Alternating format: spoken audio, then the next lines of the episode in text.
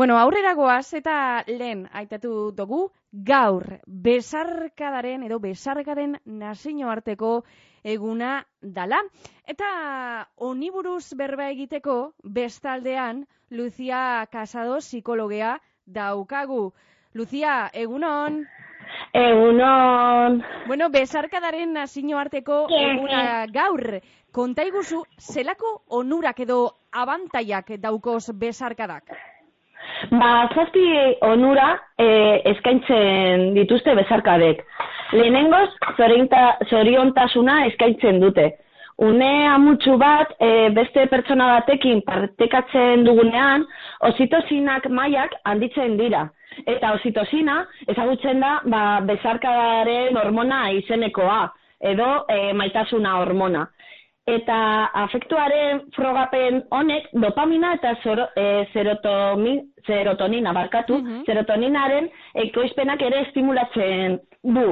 E, plazera eta lasaitasuna e, ematen duten bi neurotransmisore. E, neurotransmisore horiek oso garrantzitsuak dira gu oso ondo eta egoki e, e, sentitzeko. Eta orduan, bezarkadak gure ositosina eta dopamina eta serotonina mailak handitzen dute. Mm beste oinura bat, e, da airintzen eta raizatzen dutela. E, pertsona, e, maite, pertsona maite bat une zail baitean igaratzen ari denean, bezarkada handi bat e, ba, ematen du be, e, beraren txat. Eta e, bezarka da hori e, e, onurak dauka. E, txarto pasatzen ari den pertsonare txat, pertsonaren txat, eta gure txat. Osa, hori da importanteena, osa, e, importante, importantea da e, bezarkadak e, jasotzea, baina importantea bezarkadak ematea. Claro. gu lasaiago e, sentitzen ari dira, Mhm. eta estres, e, estres gutxiago sentitzen dugu bezarkadak ematen dugunean, eta hori oso garrantzitsua da. Benetan, zenbat onura, eh? Estresa Bai. du, bueno, bueno. Eta iraupenaren aldetik, eh, Lucia, eh, zelako besarkadak dira honenak? Luzeak, laburrak? Hori da, ez da edozein bezarkada, ez du ez edozein bezarkada balio. Mhm. Da, bezarkada, e, autentikoa, egiazko bezarkadak, e, hogei segundu gutxi gora bera iraun behar du. Osa, Aha. hogei segundu da denbora luze bat, bezarkada batean.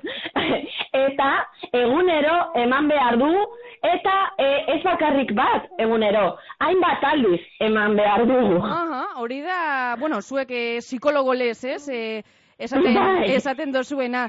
Besarkada bat, baino gehiago egunean zehar. Bai. Mhm. Eta hiru segundukoa. Osea, hiru ez hogei segundukoa. hogei segundukoa. Mhm. bai. Batzuk, eh, bueno, eh, ez dira oso besarkada saleak, baina zu psikologo lez, Lucia, eh, Bai. gomendatzen dozu, ezta?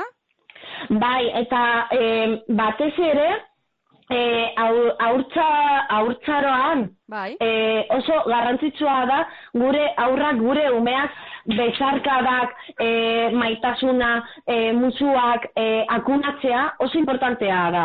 Osea, norma, normalean e, esaten digute, ez da? E, mm, nola, e, nola mala kostumbres, no? Mhm, hori da, bai. Gauza hori.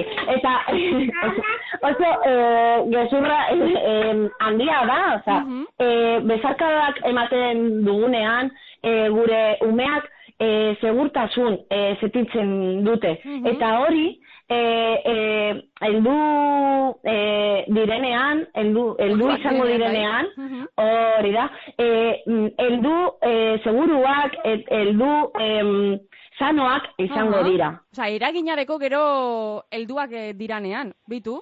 Mhm. Hori da, hori da. Ez bakarrik haurtzaroan, e, eldu garenean, Mhm. e, oso importanteak dira, haurtzaroan jasotzea. Mhm. Ederto, ederto, ba, benzu horregaz geratuko gara. Lucia Casado, eskerrik asko benetan, eh, zure Zuei. azalpenagaitik, eta eta ondo joan, joan daitela. Urrengora arte, Lucia, eskerrik asko. Bihar arte, urrengora Agur. arte, eskerrik asko, agur.